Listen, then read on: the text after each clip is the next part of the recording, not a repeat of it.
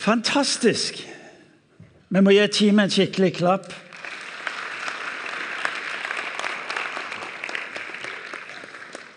Det er, dette med lovsang tilbedelse er jo litt spesielt for oss som er i dette huset. Eh, denne helga er en stor flokk i Oslo eh, på noe som kalles for Lovsang 18. Eh, lovsangslederen her i huset sammen med bl.a. en av pastorene i IMI Oslo, altså menigheten vår i Oslo, Nora, er med å lede denne samlingen av mer enn 1000 som ønsker å gjøre framskritt og ser at sangen og musikken har betydning inn i folks liv. Og det er bra. Ja, kjære Gud, altså. Det er bra. Ja, Så du som har lyst til å synge, det er bare å ta kontakt med teamet og si at jeg er klar. Eh, det folk ikke er klar over, er at jeg har også av lovsang. Det er jo like festlig hver gang, for når folk ser på meg, så tenker de ja vel, hva, hvordan, var det, hvordan var det da? Jo, det var meg og noen gamle damer Eh, i gamle bedehuset, gamle, gamle bedehuset. Det var noen og tyve damer.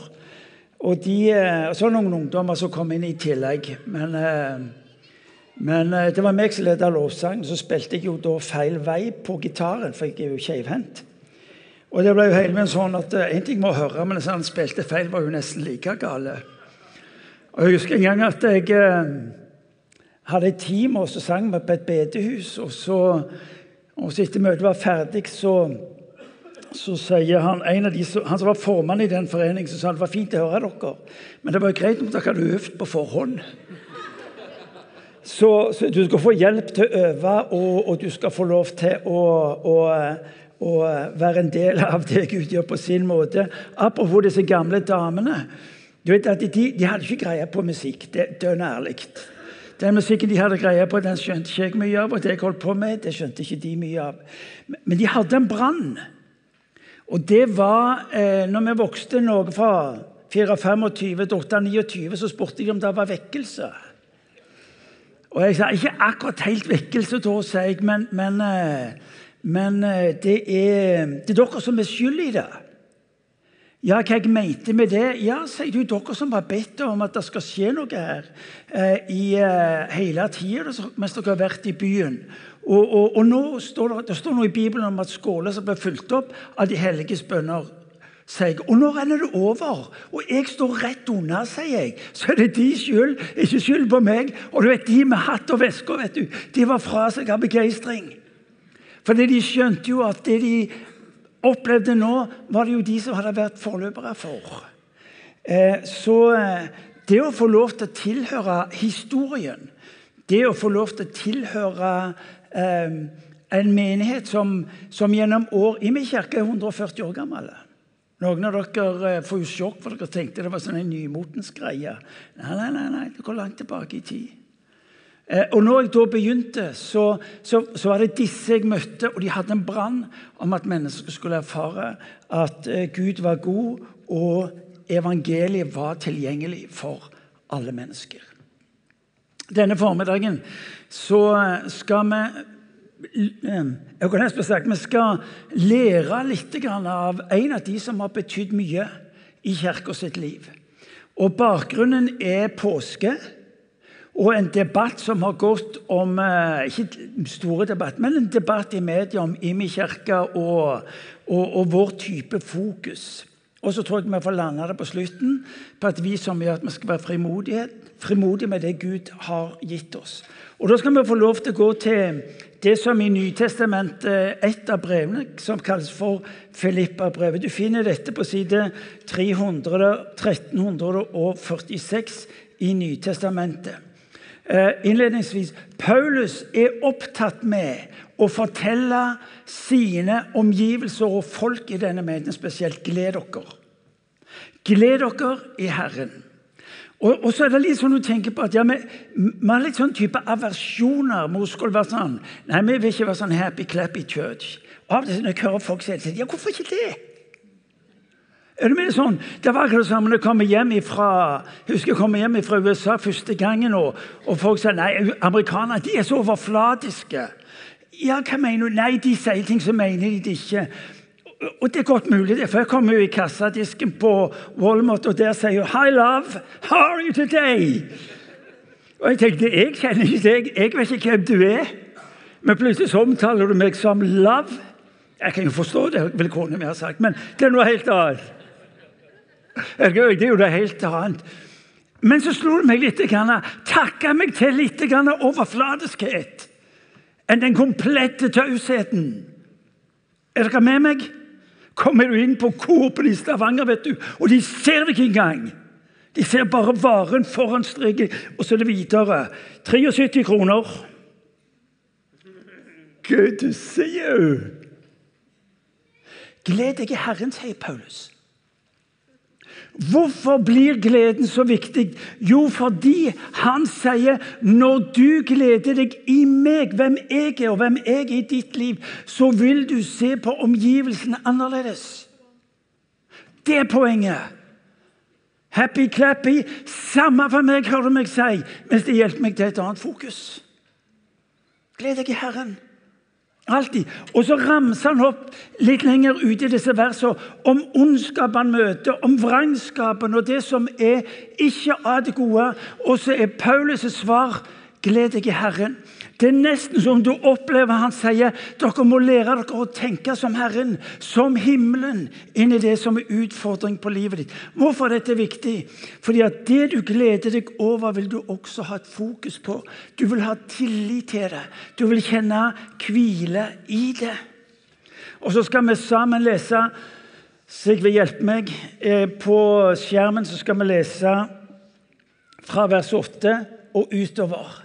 Det er Paulus som da i denne situasjonen eh, har begynt med et regnestykke om hva som har betydning i livet hans. Og så har han et regnestykke av det som representerer trygghet og tillit.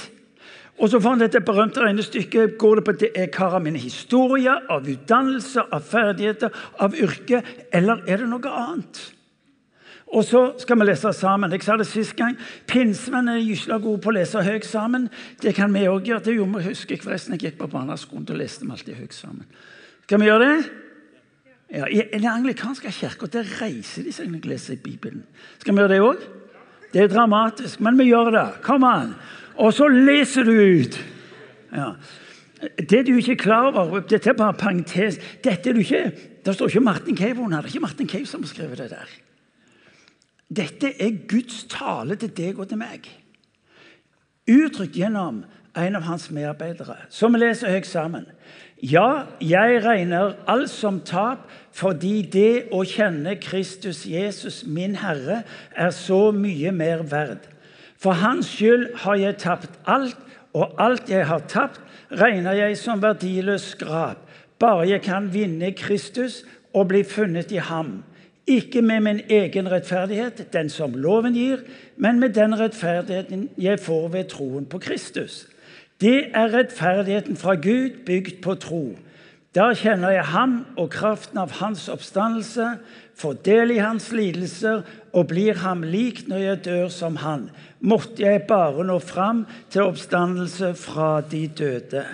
Amen. Vær så god, sitt. Jeg er enig. Det er noen av de setningene du må lese mange ganger, og så må du lese dem seint for å få tak i hva, hva han sier for noe. Men det er ikke så farlig. Det du leser seint, det beholder du, har jeg forstått. Paulus er opptatt med, og som han sier, å kjenne Han.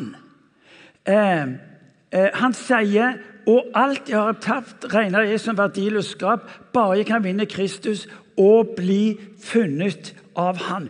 Paulus er opptatt med å uttrykke selve fundamentet. og Det er det du skal få tak i nå formiddag. Han er opptatt med å uttrykke fundamentet. Det er å kjenne han og være kjent av han.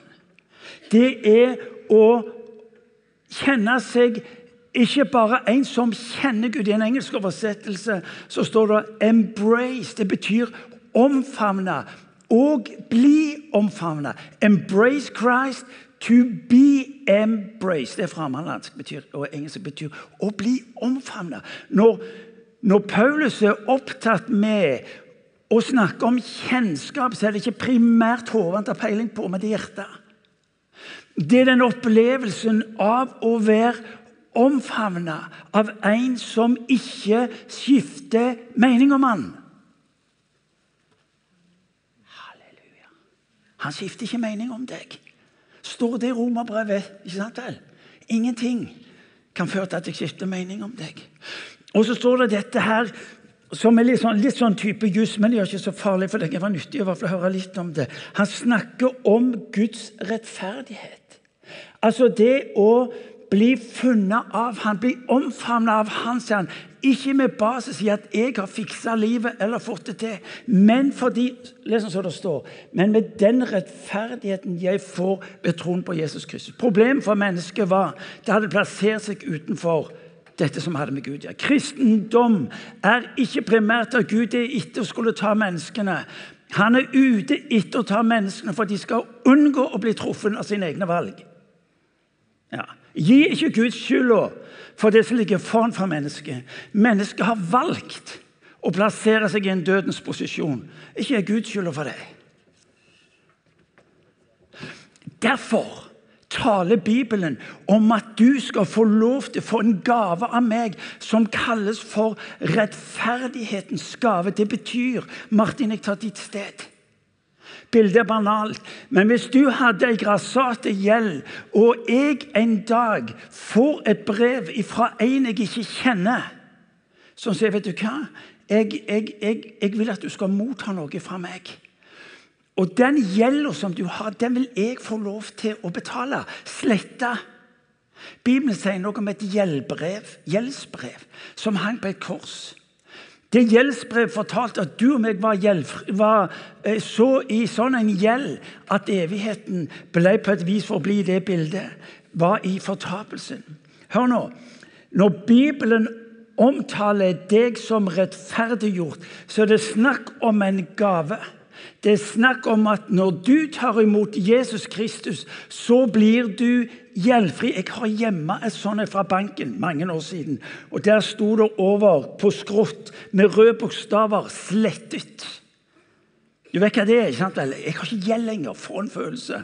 Siden så dobla jeg den. Hus. Men hør nå. Når Bibelen omtaler at du og meg skal få lov til å motta hans rettferdighet, ikke lenger straffen og dommen som ligger foran meg, så har jeg ikke bare fått gjort opp fortida mi, men jeg har inngang i hele hans formue. Denne mannen i bildet som tilgir meg, som betaler min gjeld, sier samtidig i det samme brev, og forresten, sier han så har du fri adgang til alle mine kontoer. Det er altfor mange av Guds barn som er fornøyd med å være gjeldfrie.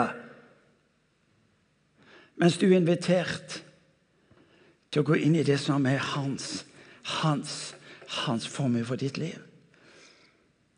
Og så lyder det fra Paulus i vers 14.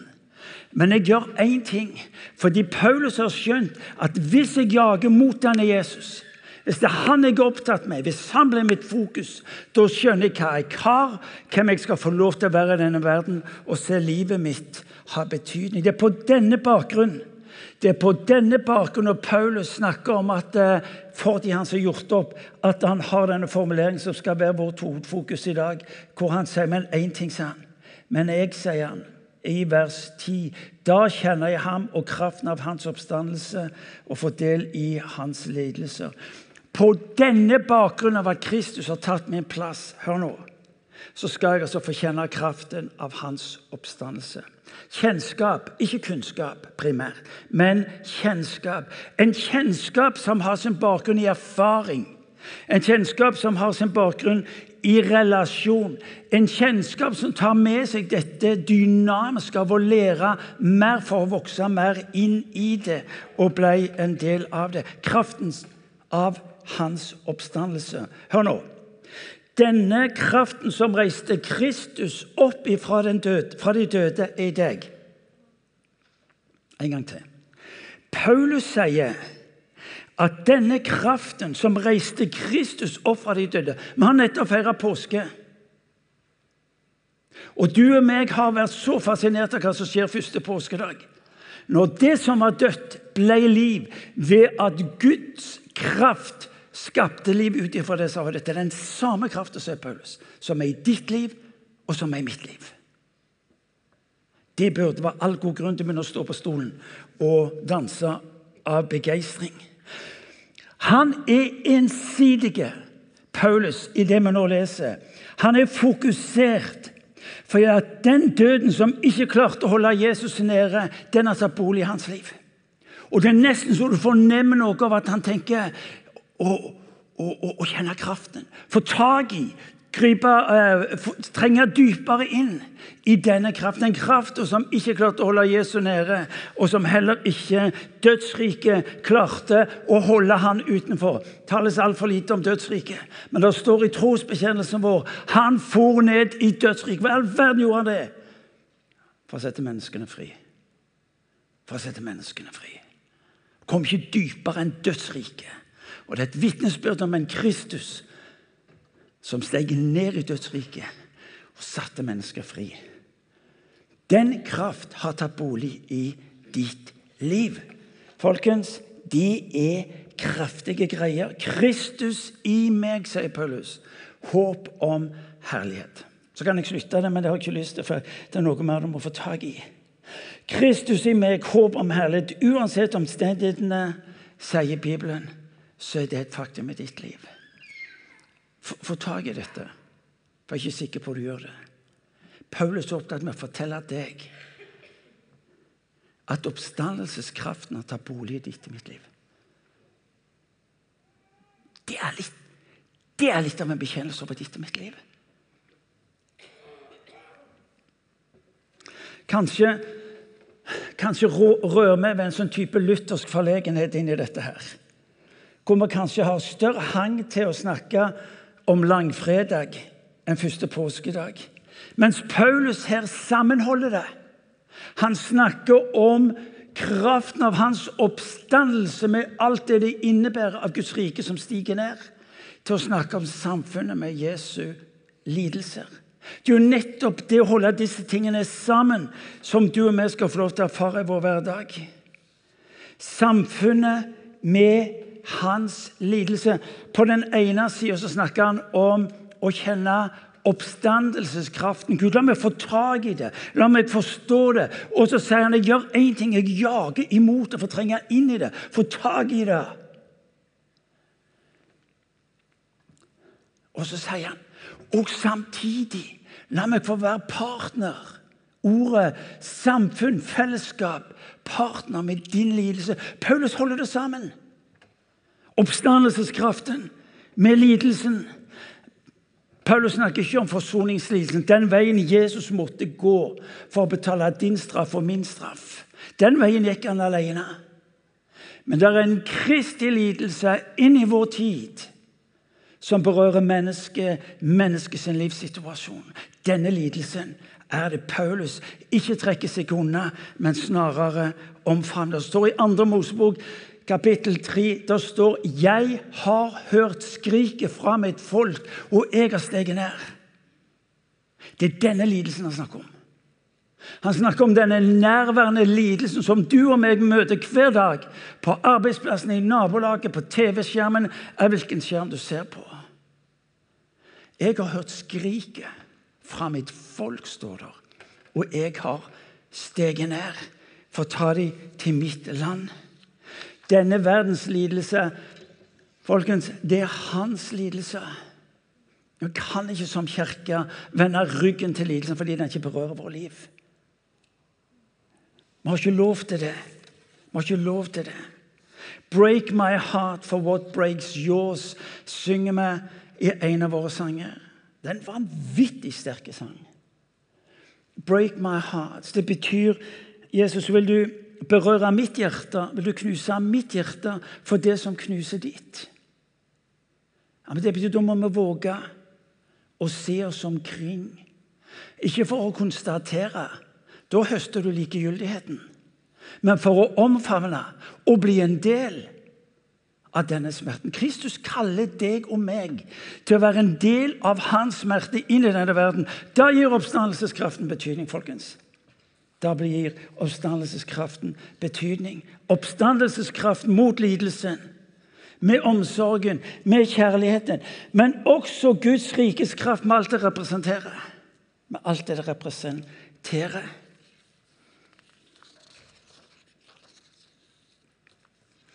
Ei dame, demonbesatt. Marit fortalte om henne. Du og meg har ikke peiling på hva det er snakk om. For vi har klart å ekskludere hele demonien og den åndelige verden ut ifra vår begrepsapparat i den vestlige, såkalt opplyste verden. Men der ute møter de sannheten. Ikke fordekt, men i sin råhet og grusomhet. Kjærlighet, men også bønn om utfrielse for at de skulle få lov til å starte på nytt. Hva var det de så? De så det mørke forsvant. Vet du hva? Det ser du hvis du har åndelige briller.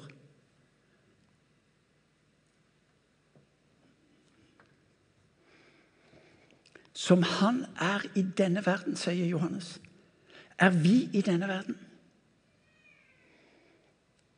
Vår fare som kirke, vår boble, blir at vi gjør oss sjøl til sentrum. Dette, dette er antydningsvis formaning. Formaning er ikke kjefting. Det er oppmuntring til å bli værende, til å gå inn i det Gud har for deg. Og det er viktig. Men din og min situasjon det er at vi blir så grådig selvopptatte. Jeg har ikke behov for å ta et oppgjør med, med lovsang, men det er et faktum at mye av sangene våre handler om oss. Meg, mitt, mine. Gjør det.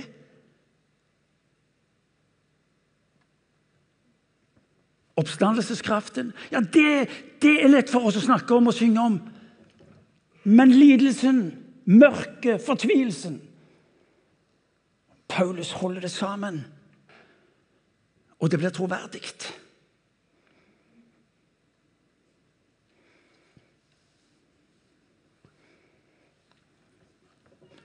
Altfor ofte så ble du og meg opptatt med det som skulle vært annerledes i våre liv. Få tak i dette jeg nå sier. Slutt med å være opptatt med det som skulle vært annerledes i ditt liv. For når du blir opptatt med det han er opptatt med, så vil du oppdage at andre i livet dette løser seg nesten av seg sjøl.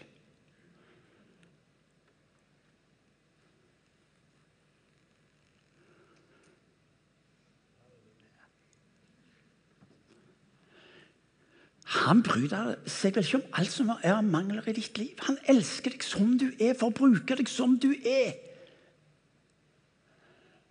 Om du sliter med ting, ja, ja, hva gjør nå det så farlig da etter? Folk spør meg av hvordan har du til Martin? Jo, sier jeg, resten av verden ville elske å ha mine problemer. Det er et Rick Warren-sitat. Det er gyselig godt sagt.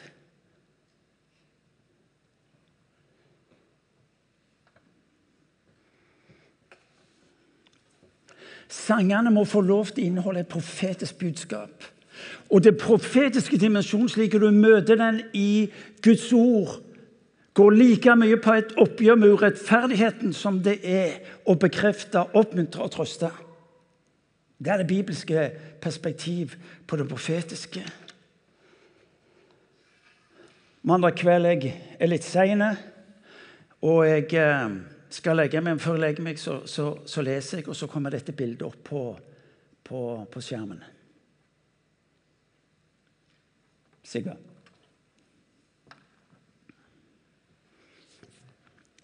Den natta grein jeg. Poenget er ikke debatt om en krig. Poenget ble at det bildet tok meg så kraftig. Og så tenker jeg det denne mannen, det denne mannen bærer ut, det er en Kristus.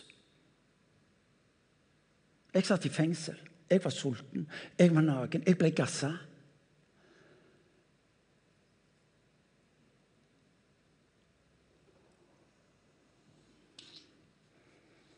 På et vis så ble det bildet summen av den smerten og den lidelsen som denne verden opplever. Dette sårbare, forsvarsløse utsettes for krefter og en kraft som et barn aldri skulle vært utsatt for.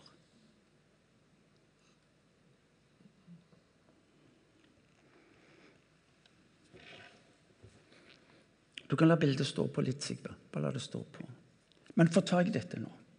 Dersom kraften i hans oppstandelse er ditt mål, så vil lidelsen være din arbeidsplass.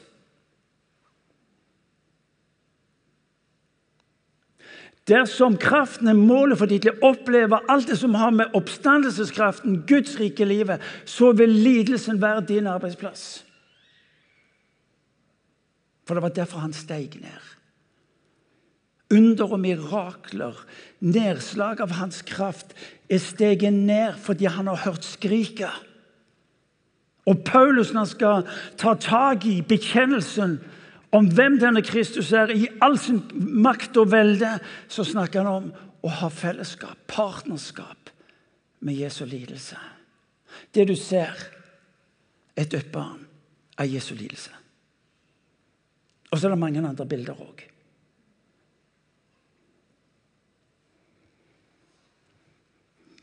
Paulus lengter mer, etter mer av den kraften som utgår fra Kristus, akkurat som du og meg gjør. Men da blir du også delaktig og får fellesskap med hans lidelser. Jeg snakker ikke om å forherlige lidelsen. Ingen, Gud vil ikke noens død eller lidelse. Men han tar deg og meg inn for at du og meg skal få lov til å være som han er i denne verden. Du og meg vil gjerne ha oppstandelseskraften, men, men vil du ha lidelsen som følger med? Vil du ha lidelsen som følger med? Vi vil gjerne omfavne og omfavnes av krafta, men da trekkes vi også inn i Guds rike tenkningen og omfavner lidelsen for å la den omfavne oss. Den gråtende Gud. Det står om Jesus da han så utover Jerusalem, så står det at han grein. Allmaktens Gud grein. Grein er gråter, heter det andre steder i landet. Hvor ofte ville jeg ikke, sier han til sitt eget folk. Men dere ville ikke. Dere ville ikke. Han gråter over Jerusalem. Og min vandring denne uka gråter han også over oss i vår by, i vårt land. Hvordan skal vi få lov til å møte dette og se det anvendt på våre egne liv? Du og meg møter dette hver dag rundt oss. Arbeidsplass, på skjermene som er foran oss. På den ene sida har du altså ubegrensa tilgang til oppstandelseskraften. Hva vil du bruke den til? Hvor vil du bruke den? Paulus snakker ikke om sin lidelse, han snakker om Kristi lidelse. Paulus vet at hans liv og hans lidelse får lov til å hvile i trygghet og tillit, for bekjennelsen, bekjennelsen hans var 'Gled dere Herren'. Han visste hvor hans lidelse var. Nå snakker han om den Kristi lidelse, så tar han utover sin egen ramme og sine egne grenser. Og så fornemmer jeg inn i det at oppstandelseskraftens mål er ikke bare å overleve, men å forandre samfunnet, forandre situasjonen. Og spørsmålet for meg blir nå når jeg møter Jesus, hva gjør du her? Hva gjør du her? Og så er det ditt mitt ansvar å bli med på det han gjør. Bli tatt inn i det. Hør nå godt etter. Oppstandelseskraften er ikke for deg den er for de andre. Oppstandelseskraften er ikke for deg, den er for de andre. Du har den, du. Du har det du trenger. Men han ber deg om å våge oppstandelseskraften koble med lidelsen, slik at mennesket forstår at det er håp, og det er en Gud som elsker.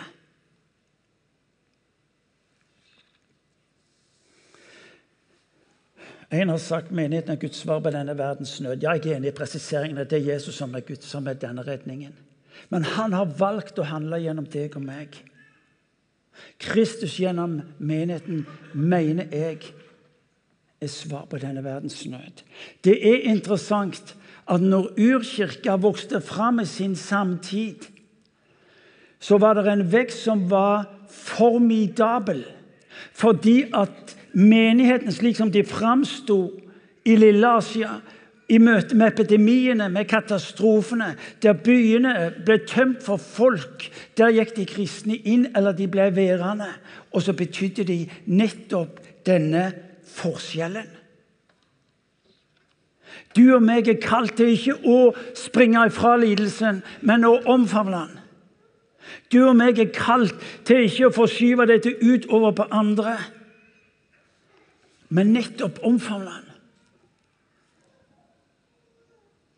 Og nettopp kraften i hans oppstandelse, når du og meg våger å være lidelsen nær, blir nettopp et profetisk uttrykk om han, Jesus Kristus. Få tak i dette jeg nå sier. Som kirke kan vi ikke tåle at andre lider. En gang til. Som kirke kan ikke vi leve med at andre lider. Kristus orka det ikke. Kristus trakk seg ikke vekk ifra det. Men han omfavna det. Når han så den spedalske, så berørte han den spedalske. I Gamle testamentet, når den som var ren, berørte den som var urein, så ble den rene urein. Her er det slik at når, når den som er urein, blir berørt i Nytestamentet, blir rørt av den som er rein, så blir den ureine rein.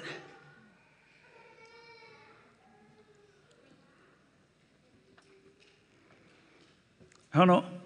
Vi kan ikke som kirke leve med menneskers lidelse. Har ikke lov. Har ikke lov.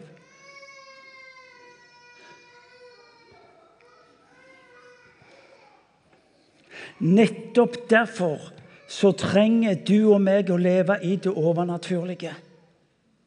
For hvis ikke du og meg får lov til å leve i det overnaturlige, så orker vi ikke lidelsen. Jeg har ikke noe svar. Jo, det går greit med de gode ordene og vennlige ordene og tanker, og det er ikke måte på. Jeg har ikke bedt oss primært om å gi, møte lidelsen med de gode, velmente tankene. Han har bare la meg få lov til å møte han ved ditt liv med min oppstandelseskraft.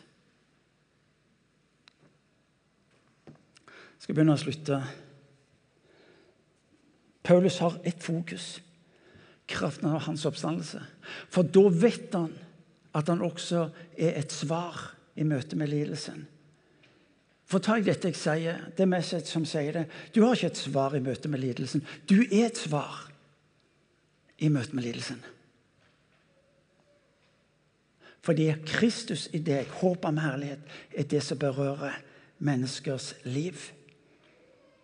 Vi snakker ikke om å hype oss oss, men la Han få ta oss inn i sin lidelse.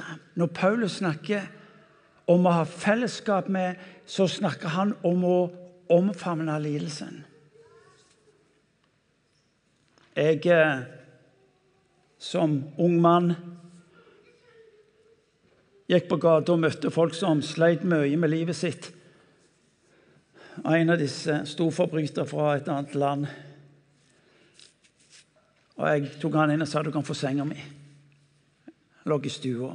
Hvis det høres fromt ut, så er det gjerne det. Husk på å fortelle det til andre. da. Hva er vitsen med å være from hvis ikke folk vet om det? Har du tenkt på det? Men jeg forteller det som en historie. Og det var heftig når han enkelte ganger uttrykt på sitt språk sa jeg har mange ganger hatt lyst til å drepe deg. Som du ser, han gjorde det ikke. Men det er egentlig det samme når Bjarte og Linda sier vet du hva, du kan bo hos oss. Bodde her i to og et halvt år. Ei som bodde på gata.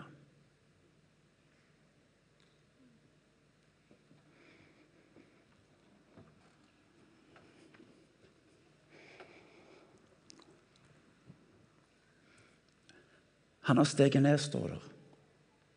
Og det er synlig ved ditt og mitt liv. Din og min bekjennelse skal være med.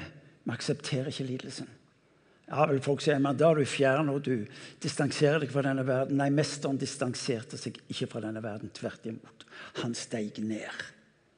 På samme måte som denne kirka er et uttrykk for en Gud som har steget ned for å ta et oppgjør med lidelsen. Og ingen av oss som sitter her inne, vil påstå at Gud Fader ikke har et svar i møte med lidelsen. Til det har han betalt en altfor høy pris. Og det er det du og meg skal få lov til å gå med i vissheten om.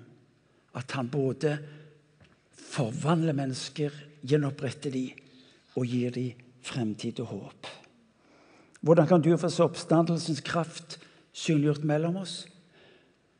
Det våger å stoppe opp og si Jesus, hjelp meg til å se som du ser, og handle som du handler. La oss reise oss, alle sammen.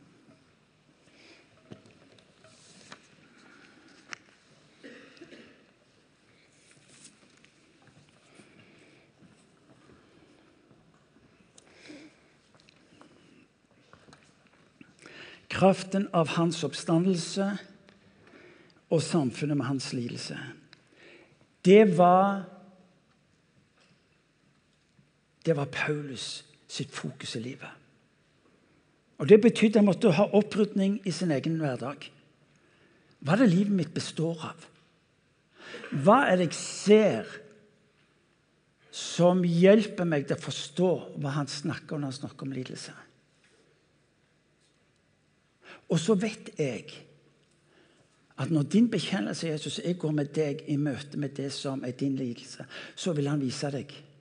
Han vil begynne å gjøre noe med øynene dine. Han vil begynne å gjøre noe med måten du hører på. Han vil berøre hjertet ditt på en slik en måte at uh, Break my heart for what breaks yours. Og så vil du begynne å leve annerledes.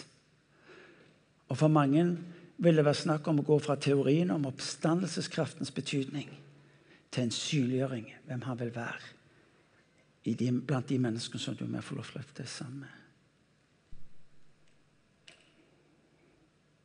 La oss be. Kjære Herre Jesus Kristus. Da du stiger ned, så er det for å omfavne lidelsen. Far, jeg takker deg for det at du trakk deg ikke tilbake. Du hadde ingen vurdering på hvem som ville ta imot din nåde eller ei. Du omfavna lidelsen uansett hvem den berørte. Og Jeg ber om det her for oss i dette huset, at vi skal få lov til å være et folk som er nidkjære, som går lenger her enn noen andre når det gjelder å erfare kraften av din oppstandelse. Men Herre, så er vi også et folk som ikke visste hva grensene var, eller tilstandene var når det gjaldt å omfavne lidelsen. Far, vi ber om å få være et folk som fremtrer i denne verden med slik måte at folk ser ditt ansikt og våger å tro at du er Gud, at du er god. Far, vi ber om det i ditt navn. Amen.